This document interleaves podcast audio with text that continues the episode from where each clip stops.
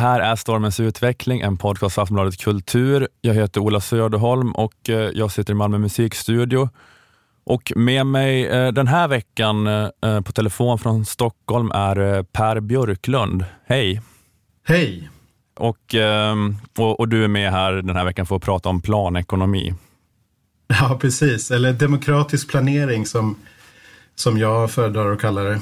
Ja, just det. Ja, det har lite mera, mer positiva konnotationer kanske. Eh, Ja, och framförallt så planekonomi behöver inte vara demokratisk. Det är väl det som är en poäng då Mm. med att prata om demokratisk planering istället. Ja, för, för vi ska kanske prata lite om planekonomi som inte är demokratisk, men också då hur den skulle kunna vara demokratisk, eh, kanske man kan säga. Men ehm, jag kan säga eh, först bara då att eh, få presentera lite grann att, eh, att Per Björklund är eh, journalist, författare och ledarskribent på socialistiska tidningen Flamman och eh, förläggare på Verbal förlag eh, som nu den här veckan kommer ut med boken Folkrepubliken Walmart.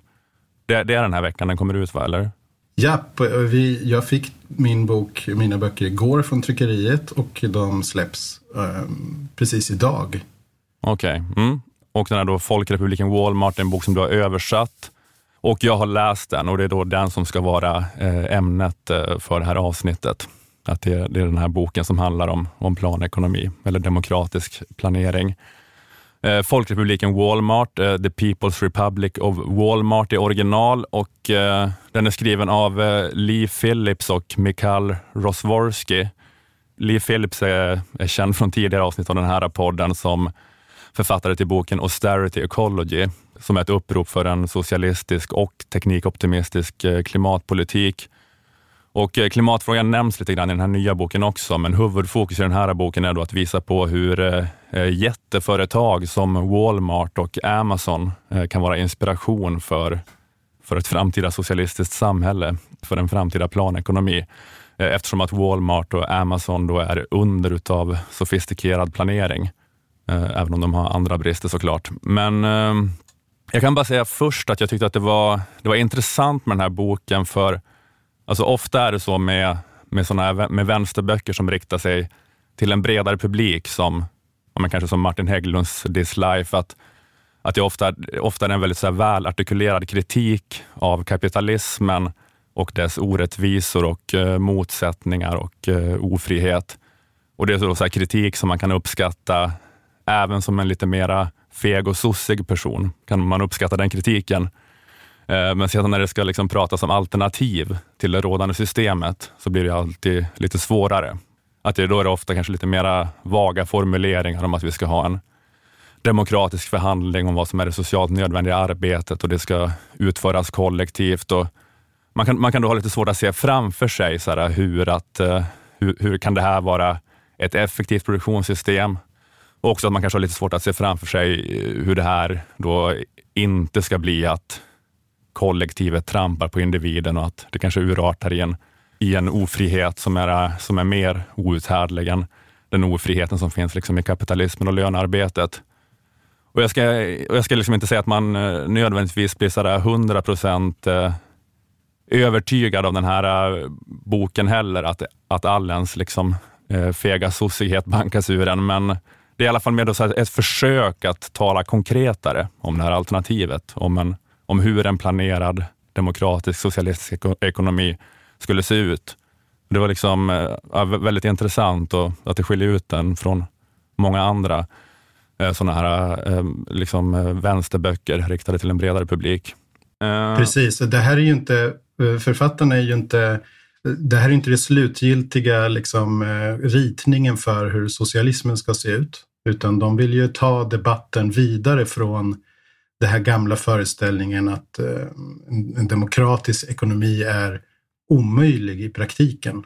Mm. Eh, och visa att den idag rent tekniskt så har vi förutsättningarna. Och sen är det inte liksom självklart exakt alla detaljer hur det ska gå till, men att liksom det kan vi börja prata om nu. ämnet då för boken är eh, planering och eh, alltså man kan säga då att det är så att vi redan eh, lever i, alltså de flesta av världens länder är väl blandekonomier på det ena eller andra sättet. Att eh, det är i huvudsak en marknadsekonomi och inte en planekonomi, men när det gäller kanske så här, eh, utbildning, sjukvård, polis, räddningstjänst så är, det, så är det planering snarare än marknaden som används för att då fördela resurser. Och även liksom de stora basindustrisektorerna som gruvdrift, stålproduktion, elektricitet, järnvägar har ju också varit en del av den offentliga sektorn och statligt planerade liksom ofta i olika länder i olika tider. Men det har kanske då varit en allmän utveckling i de flesta länder sedan 70-talet mot att mer och mer av de monopolen har avreglerats och blivit en del av marknaden. Men om vi ska tala så om varför eh, planering behövs eh, så är det då eh, ja, men det som Philips och Rosworski påpekar i den här boken, är då att planering behövs för att eh, överlappningen mellan det som är lönsamt och det som är till nytta för mänskligheten är inte perfekt. Alltså att mycket som är lönsamt att producera, det är också till nytta. Till exempel underkläder har de som ett exempel. Eh, men, eh, men det är då inte en perfekt överlappning. Alltså om något är lönsamt kommer någon fortsätta producera det, även om det inte är nyttigt och även om det till och med är skadligt, Eh, så kommer man fortsätta producera det om marknaden får fria händer.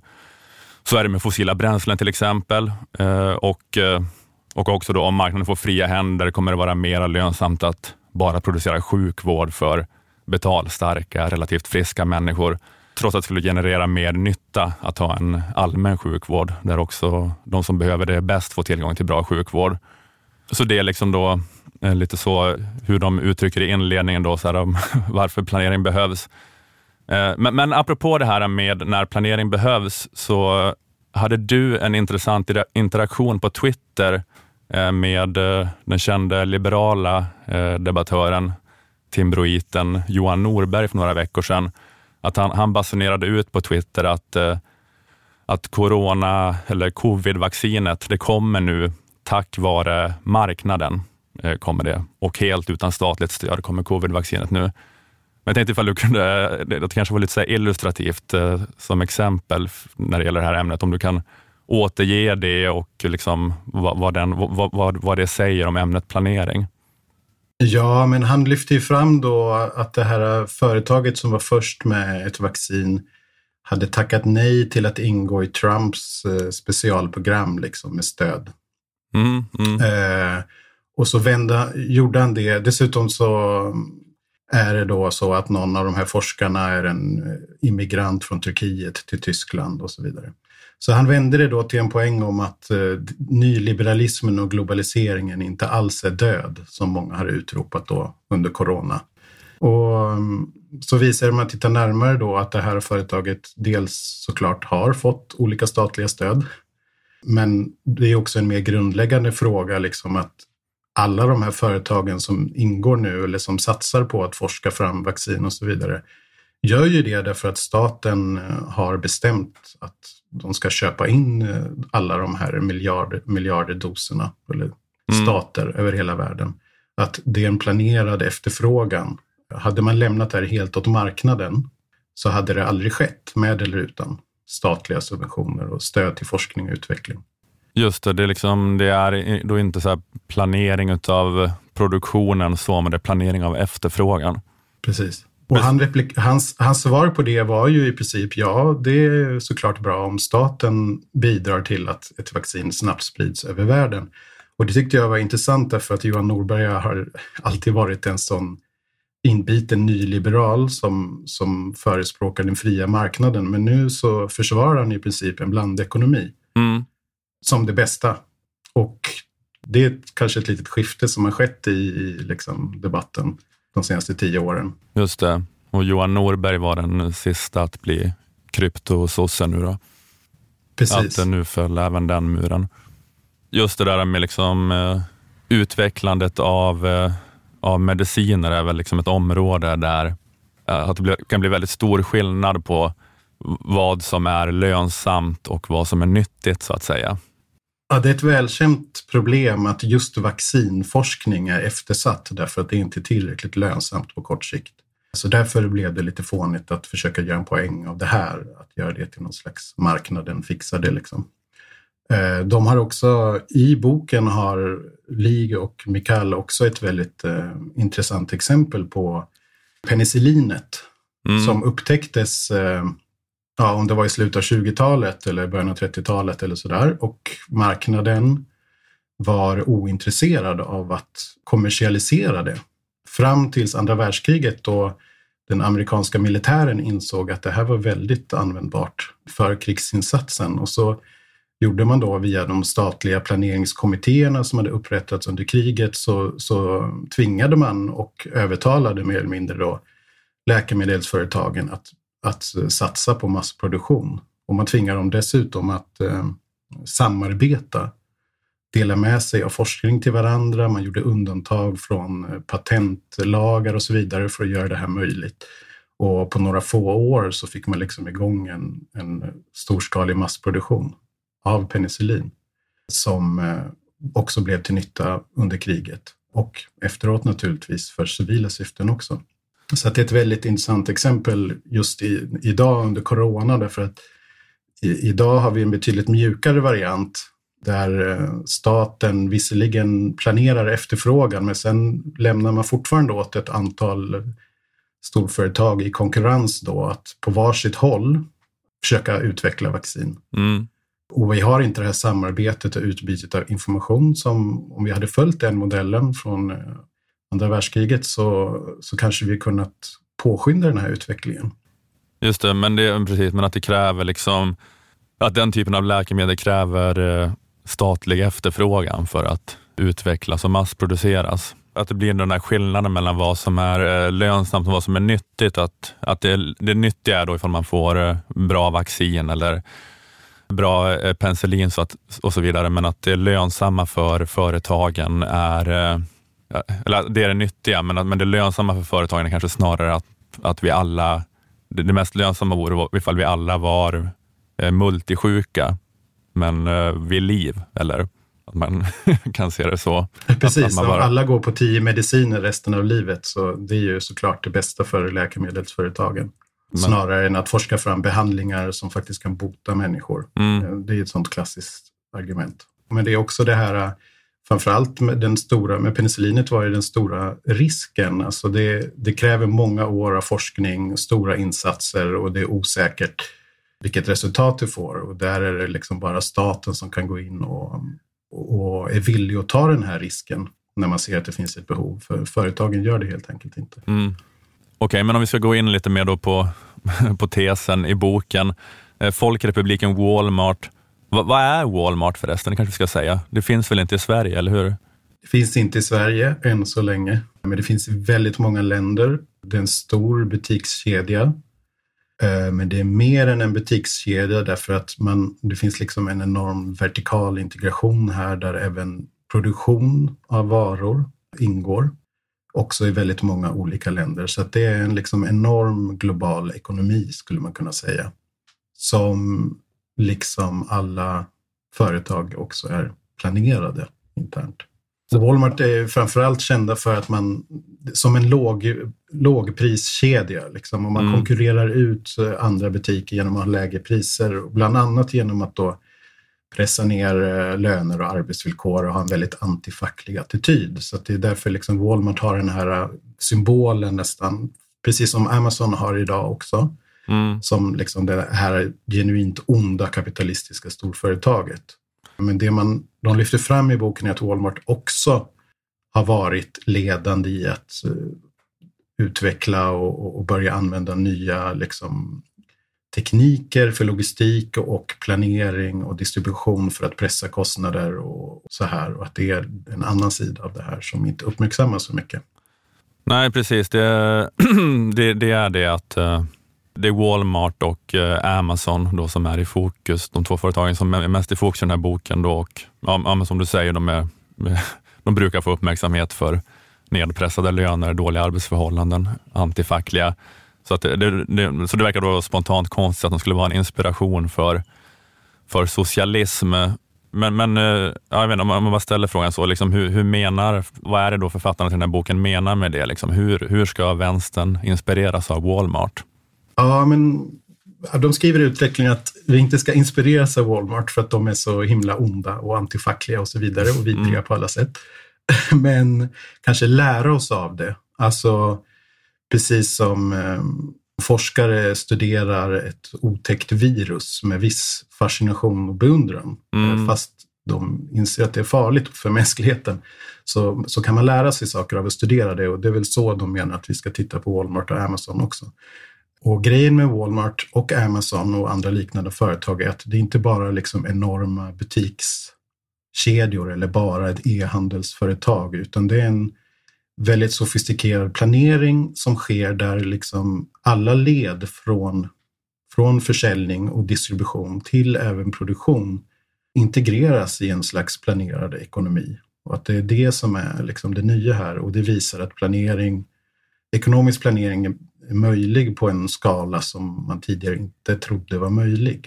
Alltså Walmart och Amazon är, de är liksom större än många länders hela BNP.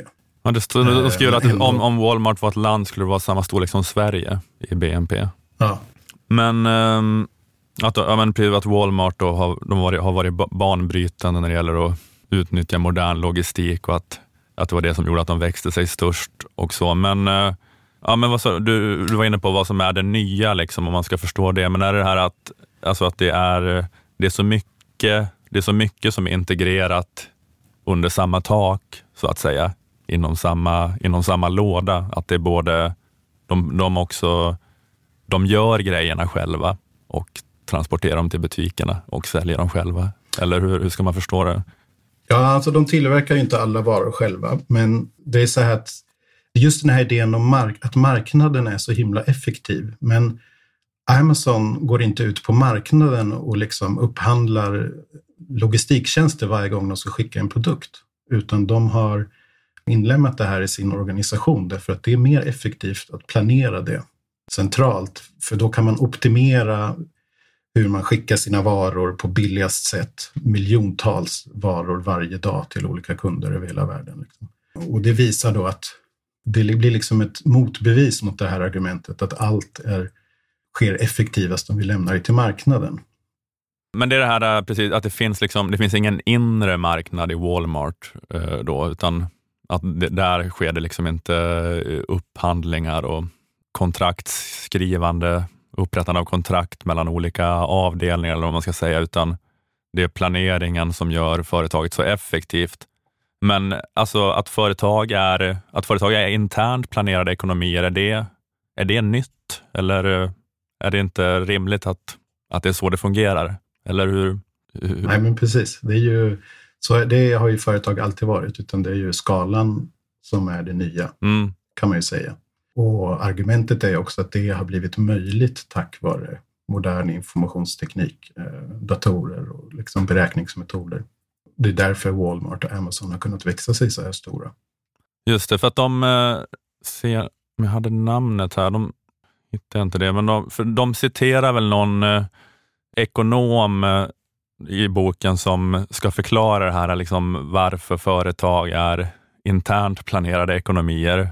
Men de lyfter fram Ronald Coase som, då, som ung student reste till USA för att studera. Han ställde sig frågan varför, alltså hur fungerar företagen internt liksom, och mm. varför, varför är de planerade? Varför, varför fungerar inte allt som en marknad? Liksom? Och då, hans teori var ju då att det har med transaktionskostnader att göra. Att eh, det skulle kosta för mycket att varje gång man ska flytta en vara på sitt lager så, så ska man liksom gå ut på marknaden och köpa den tjänsten. Mm. Eh, det är lättare att helt enkelt planera det. Och det var en stor liksom, aha-upplevelse för många mainstream-ekonomer som aldrig, aldrig frågat sig liksom hur de hade aldrig brytt sig så mycket om hur företagen fungerar internt. De har så stort fokus på marknaden i sina teorier och aldrig brytt sig om det här stora som sker utanför marknaden även i en kapitalistisk ekonomi. Mm. Så, då, ja, men precis, så då, då menade han att, eh, att det var enklare att bara göra det med, med planering då, internt i företaget. Eh, men att det planeringen då bara funkade upp till en eh, viss gräns Men att det är det som man kanske har kommit på ända nu då, eller, eller att det är det som de här dagens gigantiska företag motbevisar? Ja, men precis.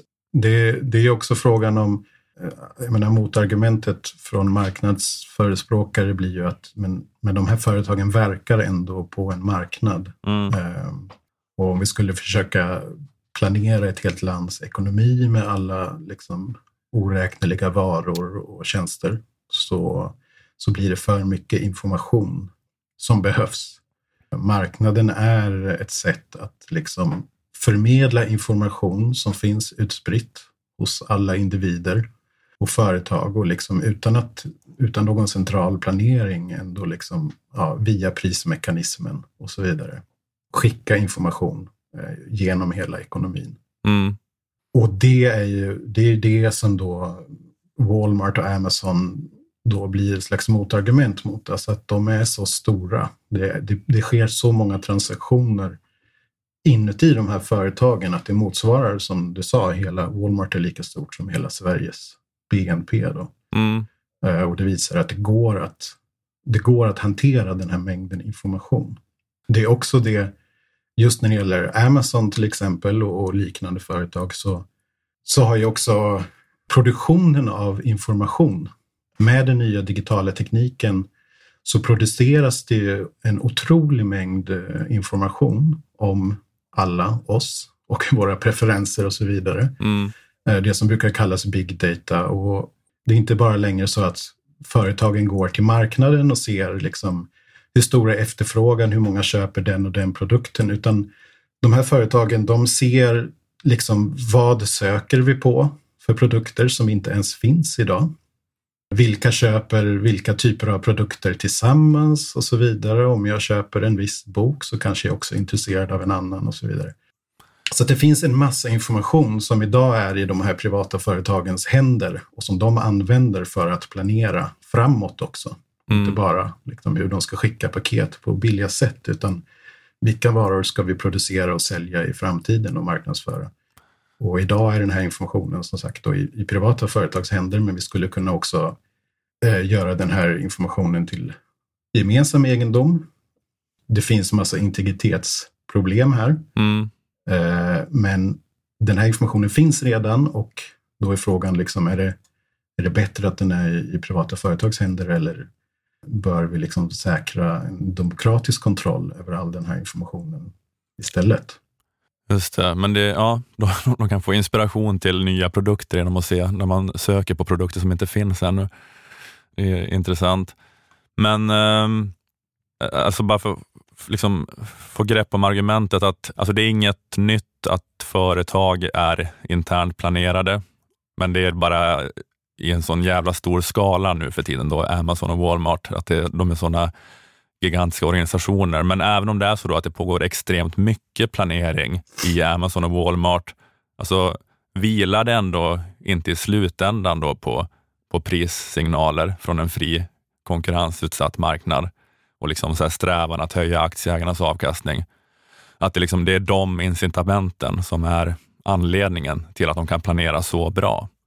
Att, eh, jag vet inte om det här är ett relevant exempel, men det finns sådana där, liksom då, såna här eh, parodiska exempel på hur ineffektiv den sovjetiska kommandoekonomin var. Att de kanske fick produktionsmål uttryckta i antal skor, då en fabrik fick det, ett produktionsmål uttryckt i antal skor och då producerade fabriken bara barnskor för att då eh, använda så lite material som möjligt och så billigt som möjligt uppnå målet.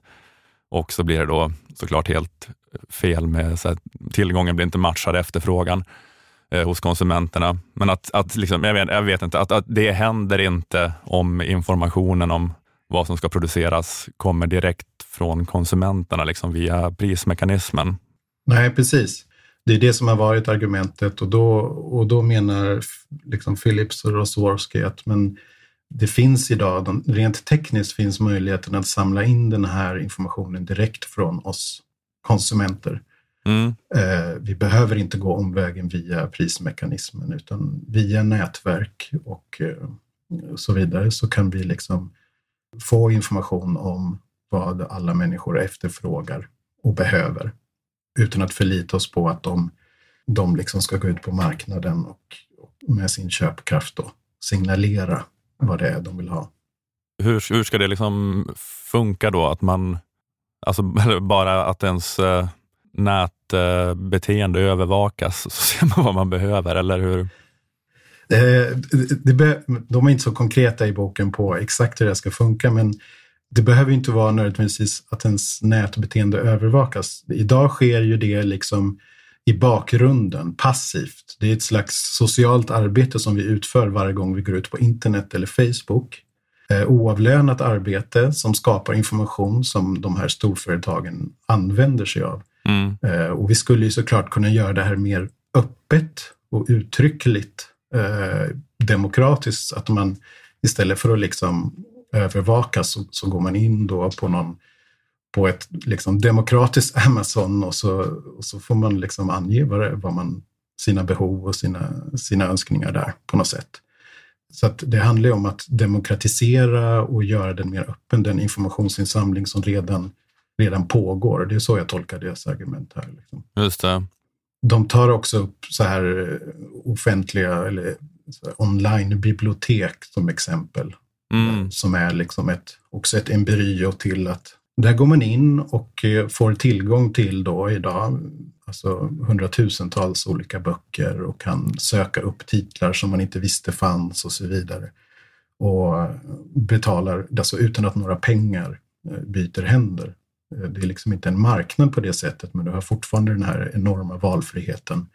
Möjlighet att söka på titlar, att beställa titlar som inte finns inne och så vidare. Och att det är någonting man kan bygga vidare på. Ja, just att den eh, liksom, eh, eh, informationen som man får från de som söker i den databasen, den kan då alltså biblioteken använda på ett väldigt sofistikerat sätt då för att justera sitt utbud. Liksom... Ja, och jag som förläggare, alltså om vi, om vi stannar i bokbranschen, det är ju liksom bara ett exempel, men, men jag som förläggare skulle ju kunna gå in där och se, och, och se vad folk är intresserade av liksom, när jag planerar min utgivning. Mm. Uh, istället för att uh, förlita mig på marknaden och titta på topplistor vad som säljer uh, så kan jag gå in och se vad är det faktiskt folk söker efter när de själva då ut, utan påverkan från reklam och, och, medier och så vidare söker efter böcker. Och det, det skulle vara en rätt intressant möjlighet. Just det. Ja, men, för, men nu är det då att man liksom eh, signalerar sina eh, önskemål då med, med sina pengar, att det är den prissignalen. Och också då att man då vad ska man säga då, eh, ofrivilligt gör det här då arbetet med att ge information till de här jätteföretagen då, att de övervakar och samlar in ens information. Men, eh, ja, men som du sa, då, att man, men att man kanske då mer medvetet skulle liksom kunna få uttrycka vad ens önskemål är liksom för vad som ska produceras. Men, eh, men, men det kan ju inte bara vara, eller det, det finns väl liksom då begränsningar då. Man kan inte bara gå in och klicka eller jag vet inte, eh, önska sig vad som helst.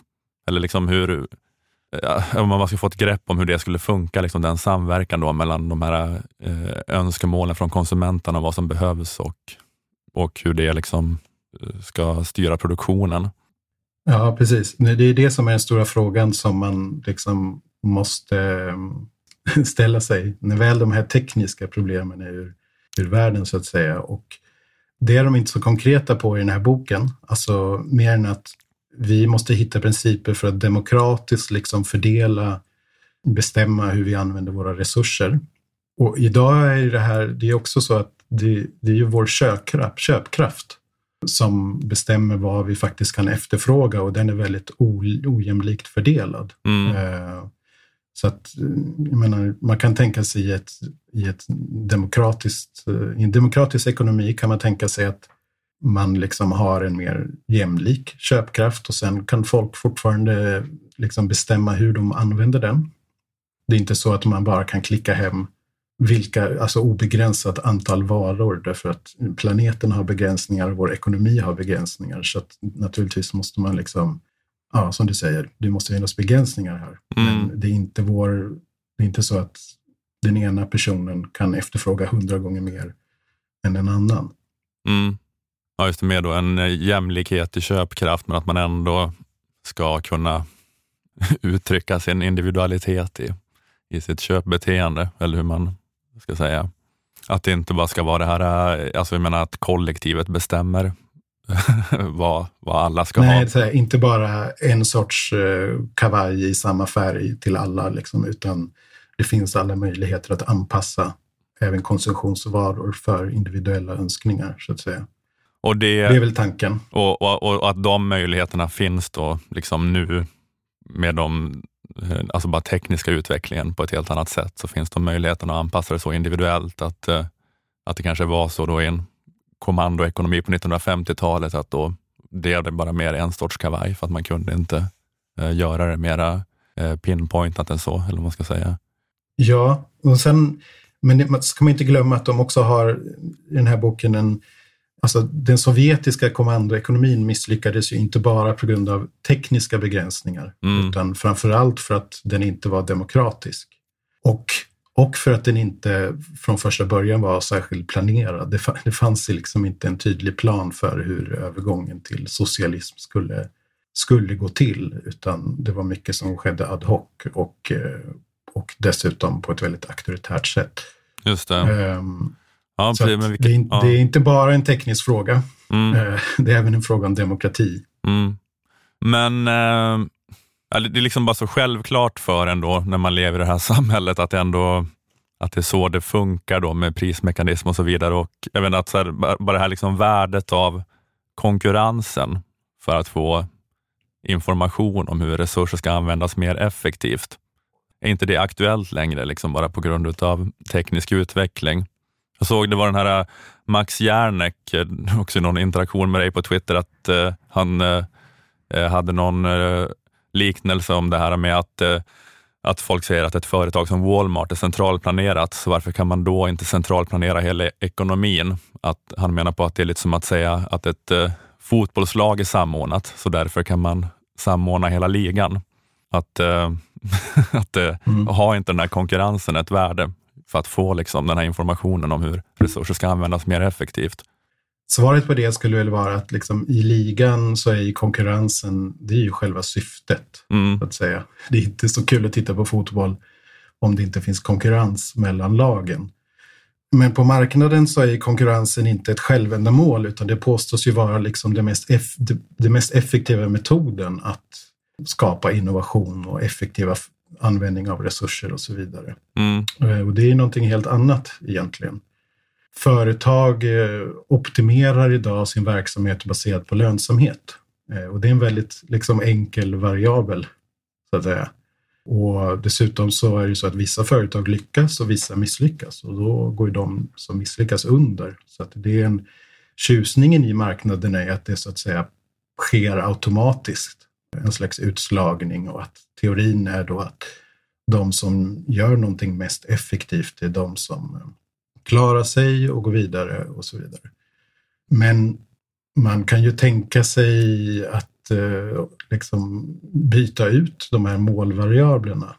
Det är ju det här argumentet i början av boken att det som är mest lönsamt är inte nödvändigtvis det bästa utan vi kan optimera vår, vår produktion, hur vi organiserar den efter andra mål efter sociala behov, eh, efter miljöpåverkan, massa olika variabler eller så här arbetsvillkor. Eh, det är inte så att ett företag som betalar lägre löner och exploaterar sina arbetare hårdare eh, skapar mer nytta än ett annat, men ändå så konkurrerar det ju ut andra företag.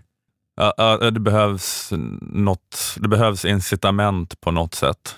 Eller det liksom behövs ett mått på effektivitet och måttet på effektivitet nu är då att, ehm, att det är lönsamt, att det går med vinst. Men eh, att man ska mäta effektivitet på ett annat sätt. Att det är så du menar? Ja, precis. Vi kan optimera vår produktion efter olika mål helt enkelt. Och lönsamhet behöver inte vara det enda. Men sen, det här med incitament är ju jätteviktigt såklart, för det, det påstås ju liksom att det ekonomiska incitament behövs för att vi ska vilja producera varor, utveckla nya produkter, forska fram nya mediciner och så vidare.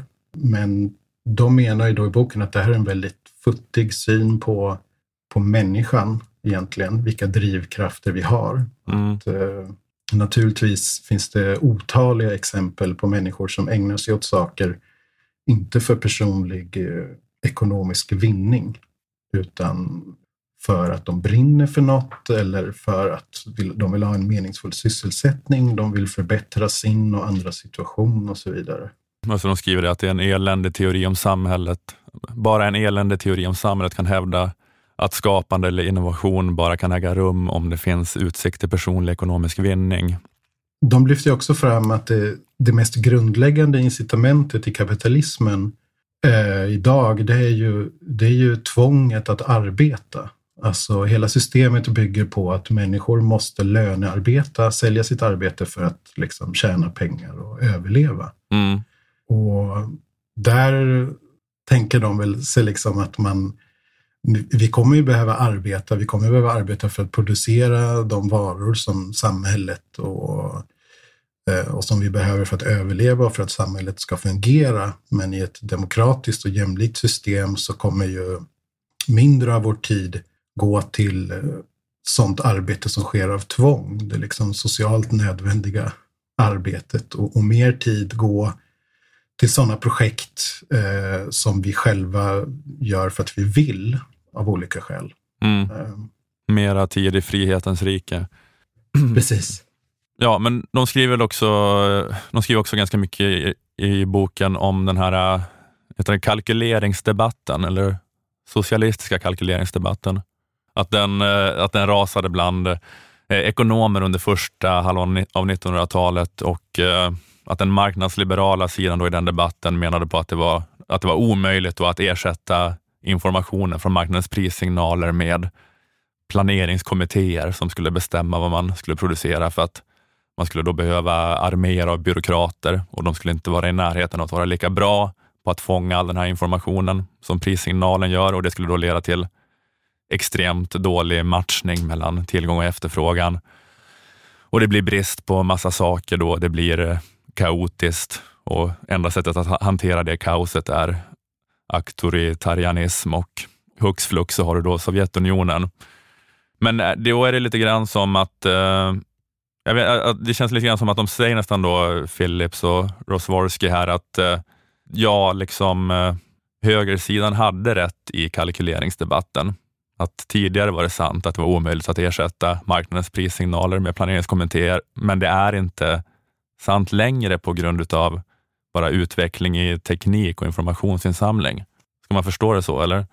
Eh, jag tror man kan förstå det så, men att det inte är heller så, så enkelt som, som att den ena sidan hade helt rätt då och nu har den andra sidan helt rätt. Utan mm. redan i början på 1900-talet var det ju fullt möjligt och nödvändigt att planera stora delar av ekonomin. Vi har ju haft den här blandekonomin som har fungerat bra i många länder. Mm. Men att det idag är möjligt att utsträcka den här planeringen till allt större delar av ekonomin tack vare teknikutvecklingen. Just det. Så tror jag man kan förstå deras argument. Att det var just den här grejen då att, att den här planekonomin kunde liksom vara då relativt effektiv, att Sovjet kunde visa upp imponerande resultat när det gäller vissa saker då som, inte vet jag, rymdprogram eller lyfta upp en hel befolkning utav liksom analfabeter till hög utbildningsnivå eller sådana grova basindustrier kanske då, men att det funkade liksom inte med konsumtionsvarorna när, när det gällde liksom sådana små konsumtionsvaror, men att det hade kunnat vara men, men att, jag menar att det är en bara avgörande skillnad då kanske mellan eh, Walmart idag och, och Sovjet på 50-talet. Alltså den eh, möjligheten till eh, mer detaljerad planering och informationsinsamling. Ja, men så kan man nog förstå det. Och de gör ju också en, en poäng liksom i boken av att även, även företagen är ju, liksom Sovjetunionen internt, så är de ju inte demokratiska eh, mm. heller. Även om det inte är så att man skickar dissidenter till Gulag. Så, så, så är det liksom, det är, en, det är central styrning och hierarkisk styrning. Eh, det är inte en demokratisk planering eh, där heller. Just det, för det är det, det pratar de om att, eh, att de tänker att det skulle kunna vara eh, ännu bättre planering om det var demokratiskt. Då. Att, eh, att Sovjet, eh, eller om, om du gav information som din överordnade inte ville höra så kunde du bli skickad till Gulag. Och eh, så hård är inte bestraffningen om du delar misshaglig information på Walmart. Men eh, det kanske ändå, jag vet inte, du kanske kan få sparken i värsta fall eller sånt där. Men att det ändå då är eh, fortfarande auktoritärt på något sätt och att det skapar sämre planering. Men att helt demokratisk planering då skulle vara ännu bättre, eh, är deras hypotes. Då. Att då skulle det vara ännu bättre kvalitet på informationen. Ja, och framförallt skulle den användas för andra syften då. Att man skulle styra den mot eh, nytta istället för lönsamhet. Och dessutom, alltså en, en central poäng också som förs fram här är ju att planering, alltså inte ens Amazon planerar ju perfekt. Nej. Det, det här oändliga, det här liksom argumentet som förs fram då att det skulle krävas en oändlig mängd superdatorer som använder oändlig tid för att planera hela ekonomin. Mm. Det faller liksom sönder lite också om man, när man börjar inse att men det, ofta är det en, en suboptimal, liksom, en grov uppskattning. Mm. Eh, fortfarande bättre än att bara lämna ett beslut till marknadens anarki, så att säga. Och det är det Amazon gör. De, de hittar inte exakta lösningar på sina logistikproblem, men de kommer fram till liksom en approximering som fortfarande är bättre, långt mycket bättre än att gå ut på marknaden och upphandla varje enskild liksom, leverans på något sätt. Just det. Uh, så att, det de menar då är att de som pekar på det socialistiska kalkyleringsproblemet eh, har rätt i princip. Det, kom, det är, kommer alltid vara omöjligt att göra de exakta beräkningarna för det är för många variabler och så vidare. Men att, men att det då Amazon gör är att de kan, de kan planera bra nog, även om det inte är perfekt. Precis. Men eh, även om man ska liksom försöka förstå det lite mer, hur de menar med det här demokratiska, eh, om det går att förstå. För att det är mycket det här snacket om att det här, det här är liksom den här då, eh, fantastiska maskinen, Eh, liksom då, eh, Walmart, det här undret av planering. Vi ska hugga bort det som kapitalistiskt vanställer denna fantastiska apparat. som, det här Lenin-citatet. Men eh, att man pratar om att vi vill, vill, ta över den här otroliga maskinen, det här undret av planering. Men att bara förstatliga Amazon är då inte en lösning på problemet. Att det kanske är än värre med ett statligt monopol, Amazon, som samlar in all den här datan om oss. Alltså liksom, hur ska det vara demokratiskt? För att det känns, de säger det hela tiden, att det är viktigt att det är demokratiskt, men det är så lite svårt att förstå, alltså om det ska vara den här effektiviteten och det här liksom centraliserade systemet, de samlar in all information om oss. Det, ska ändå vara, det är ändå det som gör det effektivt på något sätt, men det är också det som är integritetskränkande och inte demokratiskt. Eller hur, hur ska det funka, det demokratiska?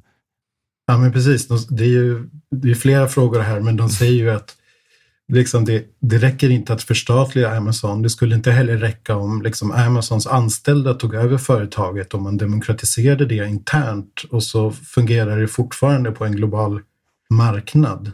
Utan för att det här ska funka så måste ju hela principerna för hur hela den globala ekonomin demokratiseras och styras mot demokratiskt beslutade liksom, mål snarare än vinstmaximering. De har ju ett, ett långt resonemang om marknadssocialismen också som, som går ut lite på så här att vi ska ha mer arbetarägda företag men som fortfarande fungerar på en, på en marknad. Och sen argumenterar de för att det är inte tillräckligt heller därför att då har vi fortfarande det här problemet med att de här företagen kommer bara producera sånt som är lönsamt.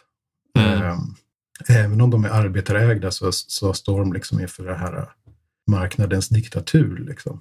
Och konkurrensen mellan företagen kommer att leda till liksom att de har ett tvång då att exploatera sig själva hårdare, eh, eller sina anställda. Och det skapar ett, också då ett tryck på en mer hierarkisk styrning av de här företagen eh, som liksom hotar den här interna demokratin. Mm. Därför att för, ja, företags, de här valda cheferna kommer att bli diktatorer därför att de kommer att använda då marknadens tvång som argument för att vi måste skära ner, vi måste jobba hårdare, vi måste... Ja, så att det är liksom en global demokratisering av ekonomin som krävs. Mm. Eh, och exakt hur den globala demokratin eh, ska se ut, det är liksom inte något de eh, redogör för i detalj i den här boken, utan mer så här, det här är möjligt och nödvändigt.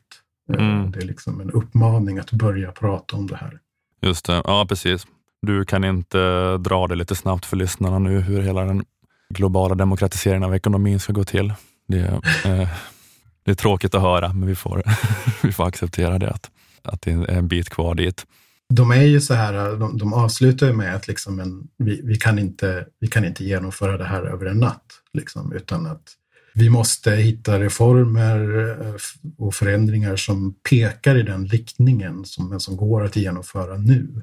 Mm, Och vi måste organisera. Det här kan inte bara införas genom att vi uppfinner den perfekta algoritmen, utan det krävs liksom massiv organisering av arbetarrörelsen och fackföreningar och, och folkrörelser och så vidare för att driva igenom det här. Det är fortfarande en fråga om liksom makt eh, i grunden. Mm. Ja, för jag tänkte fråga om det, just det att det var, alltså just så här, hur, liksom, tycker du att de in, hur tycker du att insikterna från den här boken ska tillämpas, alltså nu, i, idag av vänstern då, för att den här fullständiga eh, planeringsrevolutionen, demokratiska planeringsrevolutionen står knappast för dörren. Liksom. Men vad, vad kan göras här och nu konkret? Ja, men det finns överallt idag finns det liksom tydliga, liksom enorma behov av planering. Det är bara att titta, vi hör dagligen liksom debattinlägg och rubriker om så här elkrisen i Sverige Mm. som, som många varnar för. Eh, Men, men de som är engagerade i det här och skriker högst, de har ofta inte så mycket att säga om liksom vad som egentligen krävs. Alltså problemet här är ju att vi har avreglerat den här hela elförsörjningen och skapat någon slags kvasimarknad där liksom ingen har ett helhetsansvar för att eh, elnät ska finnas för att nya fabriker ska kunna byggas och flaskhalsar. Det, det är liksom ett enda virvar det här. Så det är ett exempel på att där behövs mer demokratisk planering och även på många andra områden, så här läkemedels, eh, alltså vaccinforskning och, och klimatfrågan generellt och, och så här. Hur, Mm. nu, eh, nu gjorde häromdagen då var det en nyhet om regeringens satsning på elvägar Mm. där eh, Volvo och Scania har helt olika åsikt. Scania satsar på ellastbilar så de gillar ju det här medan Volvo de tror på förbränningsmotorer och, och på vätgas då i framtiden. Så de tror inte på det här och så, och så har vi liksom Mm. eh, ingen tar ett helhetsgrepp och, och planerar hur ska transportsystemet se ut för att vara optimalt. Utan vi gör en liten satsning här, vi satsar lite på biobränslen, lite på laddstolpar, lite på, på höghastighetsbanor, lite på elvägar och sen blir det liksom ett Mm. Ja. virvar, så att säga, återigen. Just det. Så jag tror att man ska börja prata om att här, vi måste planera den här, vi måste planera vårt samhälle bättre. Eh, Och vi har verktygen och eh, så vidare. Vi behöver se till exempel klimatstrategin som en organisation som kräver en holistisk strategi, precis som Walmart ser på sig själva. Ja, nej, men precis. Vi kommer, få, vi kommer ju få problem i framtiden. Alltså det som är, det, det är, jätte, det är väldigt glädjande idag att så här, solenergi och vindkraft har blivit så billig att den på många håll liksom kan konkurrera ut fossila energislag. Och det är jättebra att de byggs ut jättefort nu, men om vi inte har en plan för hur helheten i, i liksom energisystemet ska se ut på 10, 20, 30 års sikt så kommer det bli pannkaka eh, ändå. Mm. Och den typen av problem. Och generellt prata mer om hur vi organiserar produktionen, hur vi planerar våra investeringar och inte bara, som vänstern tenderar att göra idag, hur vi fördelar resurser som skapas på marknadens villkor. Så att säga. Mer liksom, hur organiseras produktionen, inte bara hur, hur fördelar vi samhällets resurser. Det är väl ganska typiskt, jag gillar just det med om man pratar om den, eller klimatdebatten eller eldebatt, eh, liksom elektricitetsförsörjningsdebatten. Att, eller det är väldigt vanligt från högerdebattörer att bara så här, vifta med kärnkraft för att trigga vänstern. Det är roligt att säga kärnkraft, blir du triggad nu? Men de, de har liksom ingen sån då strategi för ett helhetsgrepp och en planering av energisektorn som skulle kunna resultera i moderna kärnkraftverk om de på riktigt ville det. Nej, men marknaden bygger ju inte kärnkraftverk, har liksom aldrig gjort det, utan det har alltid varit staten och kärnkraften eh, har ju stagnerat sedan, vi, sedan avregleringen av elmarknaderna världen över. Mm, precis. Ja, men eh, kanske kan börja nästan avrunda det här. Har du någonting som du tycker att vi inte har tagit upp som vi borde tillägga? De är så otroligt mycket nördigheter i den här boken som man skulle vilja ta upp, men som är liksom det, hela det här Allendes socialistiska internet. Mm. Eh, Att man liksom i, i, i Chile, att det fanns långtgående planer att man började bygga på ett slags liksom, ja, motsvarighet till internet egentligen. Mm. Eh, Men det blev, det blev ju aldrig förverkligat eftersom Pinochets kupp satte, satte stopp väldigt brutalt för alla former av experimenterande där. Eh, Det, det, är så mycket, det är väldigt mycket nördighet och superintressanta liksom, inblickar i planeringens historia under 1900-talet. Ja, exakt. Jo, men det, det är ju det att den är väldigt, den är ganska nördig och teknisk den här boken, så att den på ett sätt är den lite svårpoddad då kanske. Att eh, om man ska börja dra detaljerna om det här chilenska proto-internet på 70-talet, så det är kanske lite svårt för folk som står och diskar och lyssnar på det här och, och hänga med i detaljerna. Precis. Eh, Så att eh, man får kanske lämna det där här då. Eh, rekommendera folk att läsa boken istället. Men ja, jag vet inte, även om det, det är ju som det är så mycket nya tankar och såklart mycket halvfärdiga tankar i den här boken och så vidare. Och det är svårt att se det här, det här då liksom helt nya planerade demokratiska samhället framför sig. Men det är ändå, även för de av oss som är mer fegt sossigt lagda, så är det ändå alltså bara just den här diskussionen om vad som är nyttigt och vad som är lönsamt och eh, att det behövs liksom större inslag av planering för att eh, producera mer av det som är nyttigt. Det är, det är ändå något tror jag, som eh, är intressant för många och många kan ta till sig av. Ja, och, även, och att även inom liksom dagens system så kan planering ofta vara mer effektiv. De tar ju också det här exempel på Sears, liksom en konkurrent till Walmart som, som istället för att eh, planera internt försöker stycka upp företagets olika avdelningar och införa en slags intern marknad där alla avdelningar ska konkurrera med varandra och det går käpprätt åt skogen. Mm. Eh, och att man liksom Ja, men även om vi har en slags blandekonomi så finns det många områden idag eh, som så här järnvägar, eh, grundläggande infrastruktur som har, alltså även skolan som är väldigt omdebatterad idag, där idén om att konkurrens på en marknad är det mest effektiva och det som ger bättre utbildning till våra barn. Alltså, att det, även här finns det mycket att göra så att säga utan att vilja bygga eller försöka bygga en global planerad demokratisk ekonomi. Så att säga. Boken heter då Folkrepubliken Walmart av Lee Phillips och Mikhail Rosworski. Finns att eh, köpa från och med nu på Amazon till exempel kanske. Ni kan välja något annat kanske. Ja, men det var det. Det var väldigt eh, intressant. Tack så mycket för att du ville vara med Per Björklund. Tack själv. Stormens utveckling är tillbaka om en vecka igen. Vi säger tack till Aftonbladet Kultur. Hej så länge.